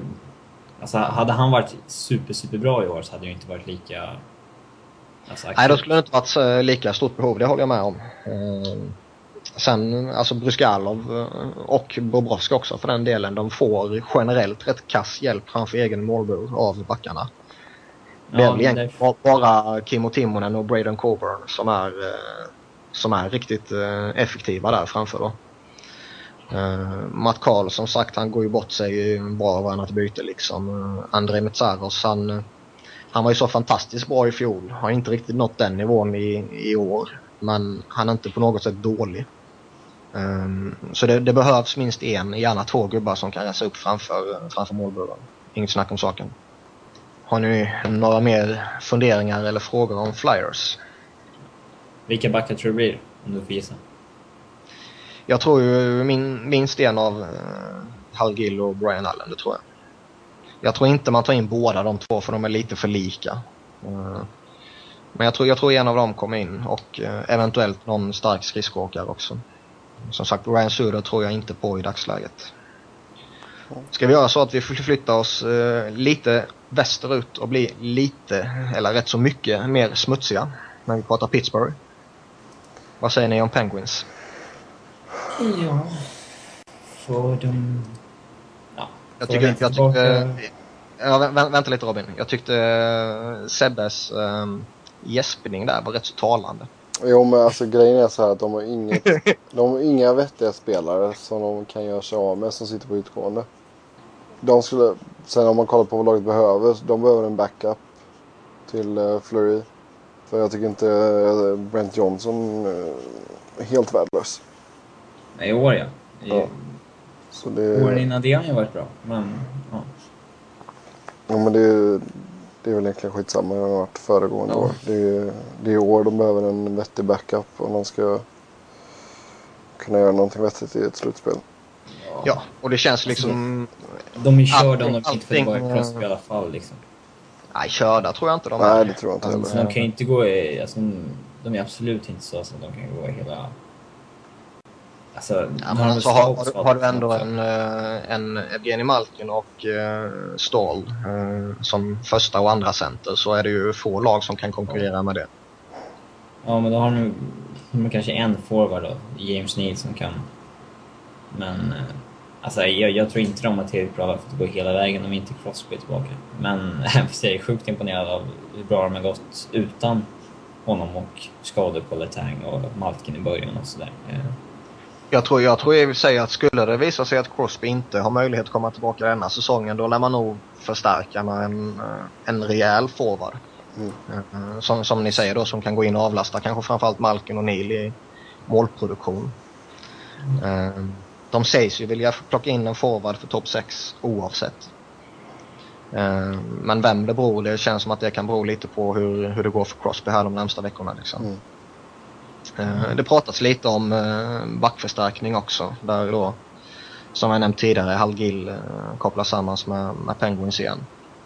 Men som sagt, det, det, känns väldigt svårt att spekulera vad Pittsburgh kommer göra innan man vet Sidney Crosbys status för resterande del av säsongen. Ja, ja för är han frisk så kan de ju gå, då är de ju en av, ja. ja en av favoriterna. Favorit, ja, favoriterna direkt. Ja. Uh, annars är det ju Alessemski, Tomoroto, som vanligt och uh, Ray Whitney som kopplar, kopplar samman lite med, uh, med Penguins. Mm. Ja, jag vet inte. Jag tror så länge, om vi pratar Ray Whitney, så tror jag inte, så länge Phoenix har en chans så tror jag inte att han kommer gå någonstans. Nej, det håller jag med om. Sen vet jag inte, alltså jag tror ju att de vill eh, förlänga med honom. Sen är ju frågan ifall han vill stanna eller inte. Precis. Men det tar vi mer om nästa vecka. Jajamän. Ska vi göra så att vi hoppar ner till Tampa Bay istället? kan vi göra. Ja. Uh, vad säger vi om deras situation efter den här katastrofala säsongen? Alltså de, ja. de måste ju... Jag vet inte. Alltså de, de, där, återigen, de måste få in en vettig målvakt. De borde gå all in på Corey Schneider tycker jag. Uh, ja. Erbjuda någonting riktigt vettigt. Ja, alltså Corey Schneider eller Jonathan Bernier känns ju som de kanske mest lämpliga namnen får jag nog säga. Mm. Och de har ju lite de kan locka med också till eh, Kings eller till, eh, till Vancouver kanske med Pavel Kobina, Brett Clark, Dominic Moore, om man, Adam Hall om man pratar spelare med utgående kontrakt. Mm. Ryan Malone sägs ju eh, vara ute på, på marknaden nu också. Men eh, han har ytterligare tre år kvar med en cap hit på 4,5 miljoner. Han har en eh, no movement klausul för tillfället och har skadeproblem titt som tätt. Så jag har extremt svårt att se att lag är villiga att ta in honom Ja, med, med de förutsättningarna. Liksom. Men jag vet inte, alltså det jag, jag tycker inte så att de... Det är lite synd om Tampa, eller sånt som typ Stamkos liksom. Som ändå så är, ja, i min mening en av de kanske topp tre i ligan liksom. Och så behöver han lira ett sånt dassigt jävla lag. Men också smått otroligt att man går från konferensfinal till eh, att i början på februari vara 10 poäng från slutspel. Mm, jo, jo, men det har ju mycket att göra med och målvaktssituationen. Ja, ja, nej den är ju bedrövlig. Mm. Likadant, backbesättningen har ju lidit väldigt mycket på grund av skador. Sen tror jag att de Eh, förväntar sig att, att Victor Hedman ska ta ett steg någon gång. Han är ju sett likadan ut i två och ett halvt år liksom. Ja, Han typ. måste ju, han måste ju liksom ta ett ordentligt kliv i utvecklingen. Tycker jag i alla fall. Absolut, absolut. Ehm, jag, jag tror nog Tampa kommer göra så. Dominic Moore lär ju försvinna, det gör han ju alltid vid trading deadline. Som alltid mot ett uh, draftval i andra rundan. Ehm, Adam Hall och Pavel Kubina och kanske även Brett Clark kan, kan nog ge riktigt fina utbyten om, om Lightning väljer att skeppa iväg dem. Men det är frågan om man vill det också liksom. Mm. Det är tre viktiga spelare för dem. Ska vi hova upp till Toronto kanske? Ja, Vad tror ni händer där? det vete fan. Det, det är ju alltid ett eh, under den organisationen och hur de tänker. Ja. Eh, Brian Burke brukar alltid vilja vara ute innan hetsen kring deadline börjar. Eh, så gör han någonting så känns det kanske som att han gör det inom en vecka eller någonting. Mm. Eh, och det är ju, alltså de kopplas ju samman med spelare från hela ligan. Alltifrån uh, Jameson Restark till Bobby Ryan och Jeff Carter. Eh, Ja, Eric Stahl och alla, ja, alla ja, riktas ja. till Toronto. Ja, ja. Eh, Sen har de ju Mikael Grabowski som har ett utgående kontrakt och många tror ju att Leafs eh, kan använda honom för eh, att eh, få en bättre spelare. Eh, Om man nu bestämmer sig för att man inte tror på honom i det långa loppet. Ja men det, det är nog rätt i. Där kan man nog få helt okej utbyte faktiskt. De behöver väl en första, första center helt enkelt. Så att får de en bättre spelare än Grabowski så är det ju steg framåt. Definitivt. Eh, Och de lär ju jaga förstärkningar så länge man är slutspelsaktuella och det är man ju i allra högsta grad för tillfället liksom. Backbesättningen tycker jag ser bra ut. Det är väl fortfarande målvaktsfrågan som är lite iffy. Ja, alltså varken eh, Gustafsson eller Reimer känns väl i dagsläget som eh, någon fantastisk lösning på, på det va. Även om. Reimer gjorde det jättebra i fjol. Det är ingen Eh. man går ut med ett slutspel direkt. Nej, backbesättningen är, backbesättningen är ju som du säger helt okej. Okay. Fanöf, Lyles, uh, Chen, Gunnarsson, Gardner, Franson eh, är jag liksom mer än nöjd med. Sen är ju Mike Mosarik är ju alltid Mike Mosarik och han kommer ju man vara fast vid om man inte väljer att ta tillbaka motsvarande skit så att säga. Mm. Ehm, Men det är det som ni var inne på, en första center har de ju varit intresserade av att vilja plocka in i, i flera år. Ehm, Nu säger de att de nöjer sig med topp 6 forward. Men vi får se. Ehm, Händer det någonting så händer det nog som sagt eh, rätt snart tror jag. Ja, det är bara att hålla med. Ehm, Ska vi hoppa till Washington då? Ja. Vad säger ni om Capitals? Oj, oj. Oj, oj. Ja. Ja. De har ju lite att dela med i alla fall om man säger så. ja, lite att ta i. Nej men jag tror alltså, jag menar en sån kille som Semin om de nu inte känner att det är värt det att fortsätta satsa på honom så kan de nog ändå få en hel del utbyte där. Ja, något vettigt draftval kan man alltid få. Alltså något bra draftval alltså. Eh, för att han blir nog förmodligen inte kvar i sommar. Han vill nog ha en lön någon som han har nu ungefär om han ska vara kvar. Det lär han inte få. Eller kommer han inte få. Eh, sen... Eh, det beror lite på. De ligger liksom där och balanserar på slutspelsstrecket också, vart de ligger när det börjar hetta till. Men de skulle ju behöva en... Ja... Jag menar, en... Och Gill också kanske. De har ju väldigt offensiv, balanserad backbesättning kan jag tycka. Eh, De kan alltid göra någonting med forwardsbesättningen. Det är inte så många som levererar där. Eh. Nej, det som ryktas lite det är ju kanske att eh, Dennis Wideman skeppas iväg med sitt utgående kontrakt mot en annan försvarare. Och som, som du var inne på där så tror jag nog också att plocka in en försvarare är nog rätt väg att vandra. Mike Green har ju haft jätteproblem denna säsongen. Kommer han tillbaka och blir frisk så, så kan det mycket väl bli den liksom gamla vanliga Mike Green vi ser. Med både positivt och negativt så att säga. Ska de förlänga med John Carlson så får de nog skicka Dennis Wideman. Uh, alltså om de ska ha både Green och Carlson. Ja, lite så känns det nog. Sen har ju Roman Hammerlik har ju inte varit något fynd direkt. Mm. Jeff Schultz är ju bedrövlig nu för tiden efter att ha varit helt okej okay för uh, två år sedan typ. Mm. sen har de ju en drös unga då som Karlsson du nämnde, Karl Altsner, Dmitri Orlov som har gjort det helt okej okay också liksom.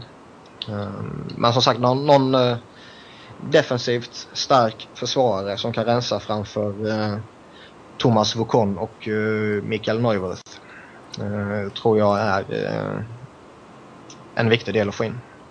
Jag tror inte man kan, kommer göra av sig med någon om det inte handlar typ för att få in en, en back. Mike Canuble kan väl ligga pyrt vid deadline. Eller ja. det beror på om man vill vara kvar eller inte. Men... Det har ju pratats lite om honom uh, faktiskt. Um, han har ju kört fast lite. Ja, jag, jag har väldigt svårt att se att uh, Washington skickar honom inom Eastern. Utan det, det är nog i så fall att man skickar iväg honom till Western. Uh, för även om han mestadels huserar i en fjärde kedja hos Capitals nu så har jag personligen alltid haft en förkärlek till honom och jag var ju inte alls nöjd av att han tvingades lämna Philadelphia på grund av Eh, att man var lite tajt mot lönetaket och var tvungna att se till hela lagbygget då va. Ja. Sen är han ju inte den eh, powerplay-specialisten om man säger så som han var för kanske bara ett år sedan. Men eh, fortfarande en väldigt viktig ledare att ha i en trupp. Som vi det kan nämnde. Inte, det kan ju inte försvinna bara på ett år heller. Det måste ju gå om han, om han får, kommer in till ett lag där han liksom får förtroende och trivs. Så mm, måste mm, han tycker det man tycker det. Har ni några mer kloka ord om Capitals eller ska vi gå vidare till Winnipeg? Ja, jag kan gå vidare till Winnipeg. Mm. Vad säger vi om Jets situation? Skulle behöva någon mer forward som är bra utöver Evander Kane och Brian Little. Typ. Mm. Eventuellt så är det väl Burmistrov också som visar lite talang och Blake Wheeler kanske men alltså de har ju väldigt svag forwardsuppsättning tycker jag. Eh. Sen har de, de har ju fortfarande en känning på slutspel. Eh, jag tror inte att de kommer komma till ett slutspel. De... Jag tror de kommer halka efter mer och mer ju fler veckor som går. Men de...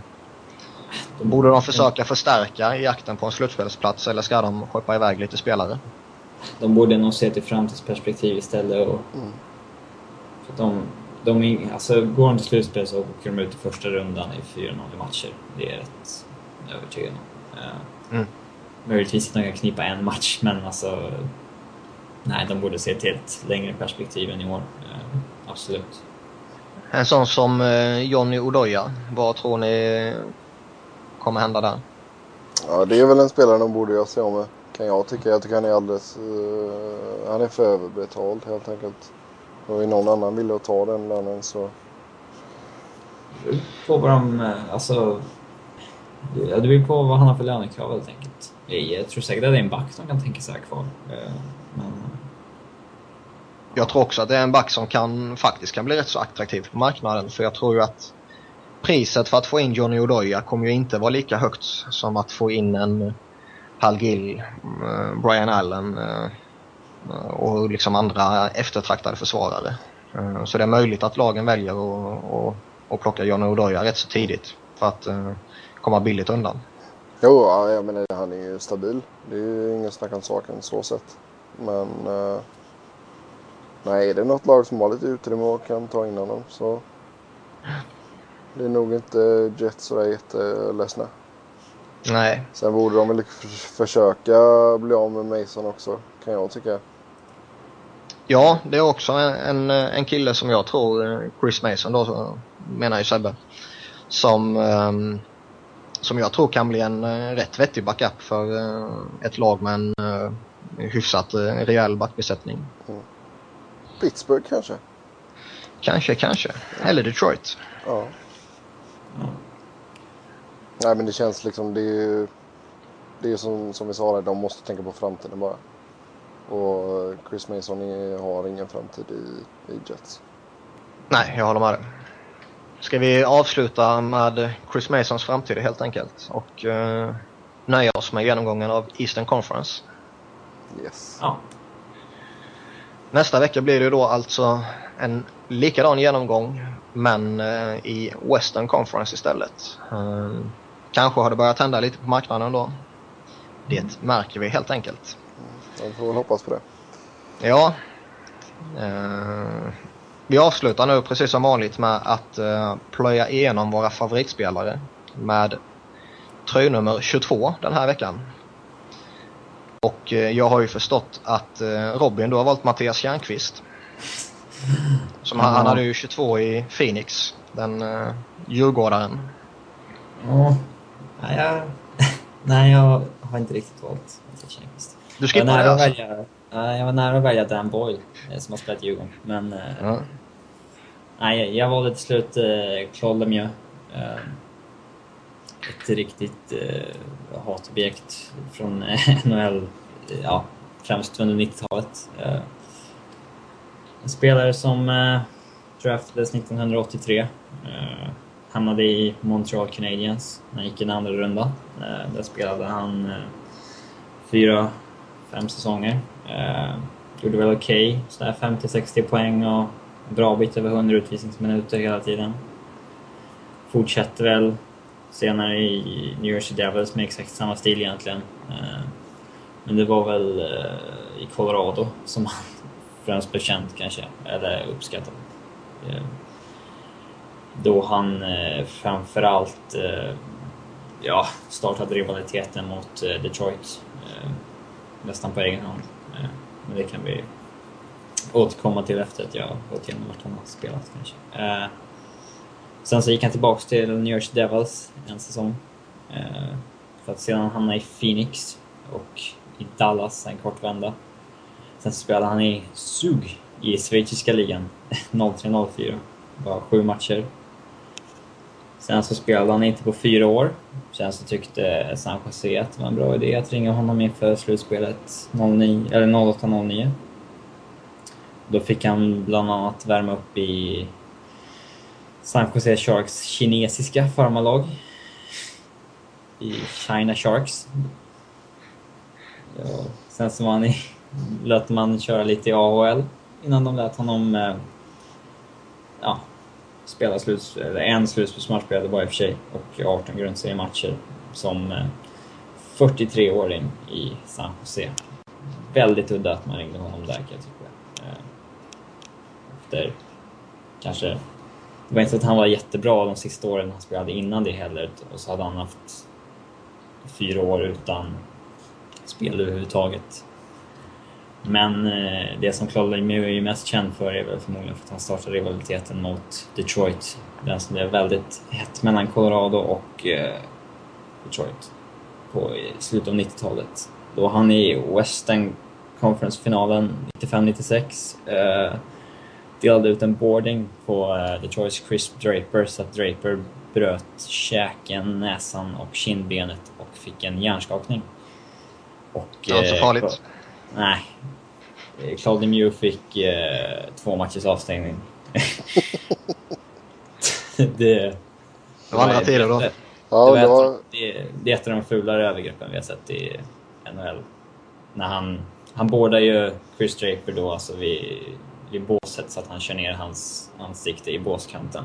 Eh, precis framför Detroit-bänken. Eh, som blir upprörda. Eh, och det där ledde ju då till ett antal hetsiga matcher mellan Detroit och Colorado i flera år framöver. Eh, bland annat Patrick Raw skulle slåss med varenda Detroit-målvakt han såg. Och, eh, ja. Men eh, det är många... Det är många inte... Det är, en sak som har kommit i skymundan kring Claude Lemieux just för att han delade ut den där tacklingen då som han är mest känd för. Det är väl för att han... Eller... Han var ju ändå en... Alltså en spelskicklig spelare. Han har liksom gjort 41 mål en säsong och har gjort 786 poäng på ja, cirka 1200 NHL-matcher. Det gör man inte om man bara är en buse liksom. Eh, Så det var en, eh, förmodligen en, en spelare, alltså det var ju en spelare som typiskt en spelare som man älskade att ha i sitt lag men hatade att ha i motståndarnas lag. Ja, verkligen. Han var ju en eh, rejäl playoff-performer också. Ja, absolut. Han gjorde ju 23 poäng på 17 matcher i Colorado liksom. Det, det snittet höll han ju inte i, i, i ligaspelet. Eh, sen så har han ju vunnit fyra Stanley Cup också. Det säger väl det mesta. En ruggigt skön lirare. Ja, tycker väl de flesta utom... Ja, Detroit-fansen är väl fortfarande inte så förtjusta i honom. Eh, men, eh, Nej, men det kan man förstå också. Det var, det var ju som du sa, det var inget vackert han gjorde. ja, olyckshändelser kan ju ske, men... Men det kändes inte som det var en olycka helt och hållet Nej. kanske. Nej, inte riktigt. Sebbe, ja, jag förstår att du har valt Jörgen Jönsson. yes. Min absoluta favoritspelare genom alla tider. Jag menar det. Nej, det blev eh, Mike Bossy. Eh, Islanders legendaren. Som eh, var en stor del av eh, Islanders då, ja, vad ska man säga, domination där under slu, ja, slutet av 70-talet, början av 80-talet. Eh, då de tog eh, fyra raka Stanley Cup-segrar. Det var lite snack om innan han kom in i ligan att han var lite för, eh, för mesig. Att han var en spelare som inte riktigt eh, tacklades överhuvudtaget. För han lirade i eh, Quebec Major Junior Hockey League. Ehm, och den ligan hade tydligen ett rykte om att vara lite snällare. Men eh, mål kunde den eh, kära Bosse göra. Han eh, hade nio eh, raka säsonger med eh, över 50 mål. Och eh, fem av dessa så gjorde han över 60 mål. Men eh, det var endast sista säsongen som han eh, bara lyckades göra 38 mål. Han har som sagt vunnit fyra Stanley Cup-ringar. Han kom in i Hockey Hall of Fame 91. Hans nummer 22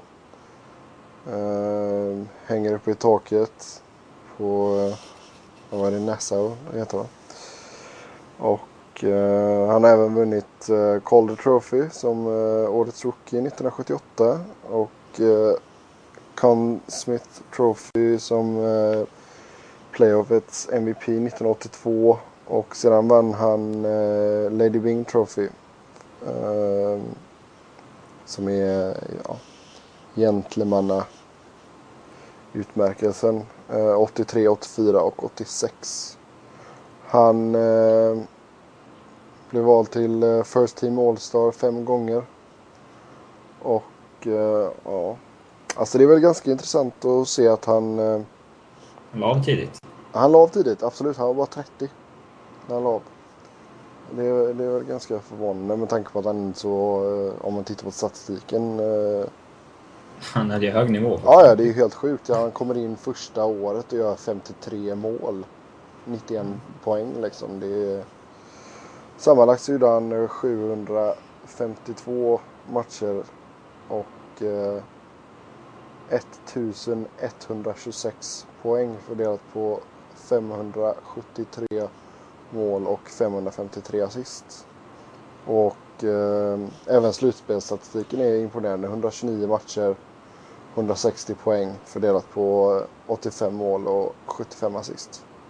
Och det, sen kan man väl hålla med om att han kanske inte var den tuffaste spelaren för han drog bara på sig 210 utvisningsminuter under de tio åren. Men en, en målskytt av rang, alltså en av de största får man nästan säga. Det är, Definitivt. Det är ju han och Gretzky som har eh, nio säsonger där med över 50 mål. Um, och det är Kommer ju, det sig att, eh, kommer det sig att han la av egentligen? jag vet Han faktiskt hade, han hade massa ryggproblem mot slutet har jag för mig. Ja. Ehm, om jag inte helt uh, missminner mig så slutade han inte eh, rakt av efter säsongen 86-87 utan han hade egentligen en, vad ska man säga, timeout eller någonting. Ja, ett sabbatsår eller vad man ska säga och sen Ja, så ja. bestämde han sig för att lägga av. Ja. Ehm, ja, vi, han ligger trea i hattricks uh, all time. 39 stycken. Det är helt okej. Det duger. Ja, det duger. Nej, alltså det är helt sjukt vad den här killen gjorde mål. Alltså, det är, han gjorde 100 mål snabbare än någon annan. Han gjorde, tog 129 matcher. Det är också helt okej. Ja, det är... Men man tänker inte riktigt på, alltså du, du vet oftast så tänker man liksom Gretzky, Lemieux, och Hall och du vet sådär men... Så De blir ju lite bortglömda sådär om de, om de inte spelar 20 säsonger liksom. Eller ja liksom men alltså det, är ju- det är ju ganska sjukt med tanke på att han var medlem av ett lag som tog fyra raka Stanley Cup-segrar. Mm. Alltså, Bobby Orr har inte blivit bortglömd fast, fast han spelade ganska lite. Mm. Eh, han, men han är inte så uh, ihågkommen liksom. Nej men det, är- han, det var väl lite det att han hamnade mellan uh, Gretzky och, och sådär va. Så det... Ju inte... Det var ju, det var ju liksom en del andra spelare som gjorde alltså ganska mycket poäng på den tiden. Eh, Ja, jag menar liksom. liksom Guy Lafleur i slutet av 80-talet, eller 70-talet där och sådana grejer liksom. Gjorde ju nästan dubbelt så mycket vissa år. Liksom. Ja, Ja. så det, det var väl därför, eller det var väl en av de stora anledningarna till att han aldrig vann Hart Trophy eller Artros Trophy. Mm. Så det... Nej men det är ju alltså, det är ju en, av de, en av de bästa som har spelat i ligan. Om man ser liksom till hur effektiv han var. Verkligen. Ska vi göra så att vi lämnar eh, Mike Bossy och gå in på en riktig spelare istället? Rick Tocket. Eh, en ruggigt skön powerforward. Eh, som eh, en spelartyp som jag också har en förkärlek till. Eh, han hade sin prime under sent 80-tal, tidigt 90-tal och eh, då var han eh, väldigt, väldigt effektiv. Eh, där det blev eh, 40 mål eh, fram och tillbaka och mer än 30 mål fram och tillbaka. Och, Eh, en, eh, en ruggigt eh, äcklig spelare att möta som kunde använda sig av flera fula eh, tricks. Både medvetet och omedvetet kanske. Um, han draftades av Philadelphia i sjätte rundan 83 uh, men debuterade i NHL säsongen 84-85. Uh, ehm, han tog direkt Flyers till Stanley Cup-final men uh, där blev det torsk mot Edmonton och samma visa upprepade sig 86-87.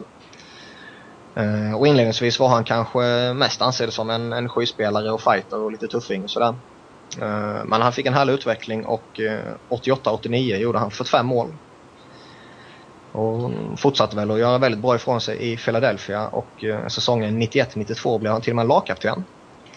Men 92 skickades han iväg till Pittsburgh tillsammans med den store Kjell Samuelsson bland annat. Och eh, Mark Recchi gick motsatt väg. Eh, där fick han vara med och vinna Stanley Cup i ett eh, äckligt bra lag som Penguins fick. Eh, på 14 matcher i det slutspelet gjorde han 19 poäng och eh, säsongen efter kom hans bästa säsong i karriären med 48 mål och eh, 109 poäng. Eh, mot slutet av 90-talet flyttade han sig runt en del men återvände till Flyers 99.00 och eh, 2002 avslutade han karriären som en Flyer efter att ha gick knäskadad en längre tid. Han har haft lite problem med diverse saker, bland annat lite poker och grejer efter karriären. Men att det var en, liksom en, en ruggigt skön lirare och det är ingen som helst tvekan om. Han gjorde 1144 matcher och eh, 952 poäng. Och eh, värt att notera med Rick Tocket är att han är Flyers mest utvisade spelare genom tiderna med eh, 1817 utvisningsminuter. Vilket eh, i sig är en bedrift med tanke på Broad Street Bullies eh, framfart under 70-talet liksom. Och han är eh, ligans tionde mest utvisade spelare genom tiderna med totalt 2972 utvisningsminuter. Och eh, jag gillar honom skarpt. Det förvånar mig inte. Nej, jag kan vara lite smutsig ibland. ja. Nej, men det är, det är ganska imponerande att han har de siffrorna ändå med tanke på att han har så jäkla mycket minuter. Oh ja. Han eh, kunde göra både det ena och det andra, både med och utan klubban. Sen har vi lite andra spelare som är värda att, att nämna som har lirat i nummer 22. Och förutom då nämnda Jörgen Jönsson och Mattias Tjärnqvist så har vi ju haft Johan Davidsson Ulf Dahlén, den gode Mike Danton. Sen har vi haft lite ordentliga spelare också, typ eh, Dinos Ciccarelli, Mike Artner som hade 22 under tiden i Rangers och Phoenix. Sen eh, Steve Chatt, Tiger Williams och sen har vi ingen mindre än Daniel Sedin också. Han är helt okej. Ja, han duger väl. Har vi någonting att tillägga i dagens podcast? Christian Rutto. Christian Otto. Ja. Ska, det, ska det få bli avslutningen? Ja, det tycker jag. Nej, Brett Lebda är bra också. Eller? Då kör vi på uh, Brett Lebda helt enkelt. Dennis Hextall. Så. Ni vet ju att ni kan följa oss på Twitter. Niklas Wiberg, Seb Norén, R. Anneline Fredriksson. Har ni något mer att tillägga Kalle? Nej, det var väl allt för denna vecka va? Då tackar vi för oss. Ha det bra. Hej då. Ha det gött. Hej.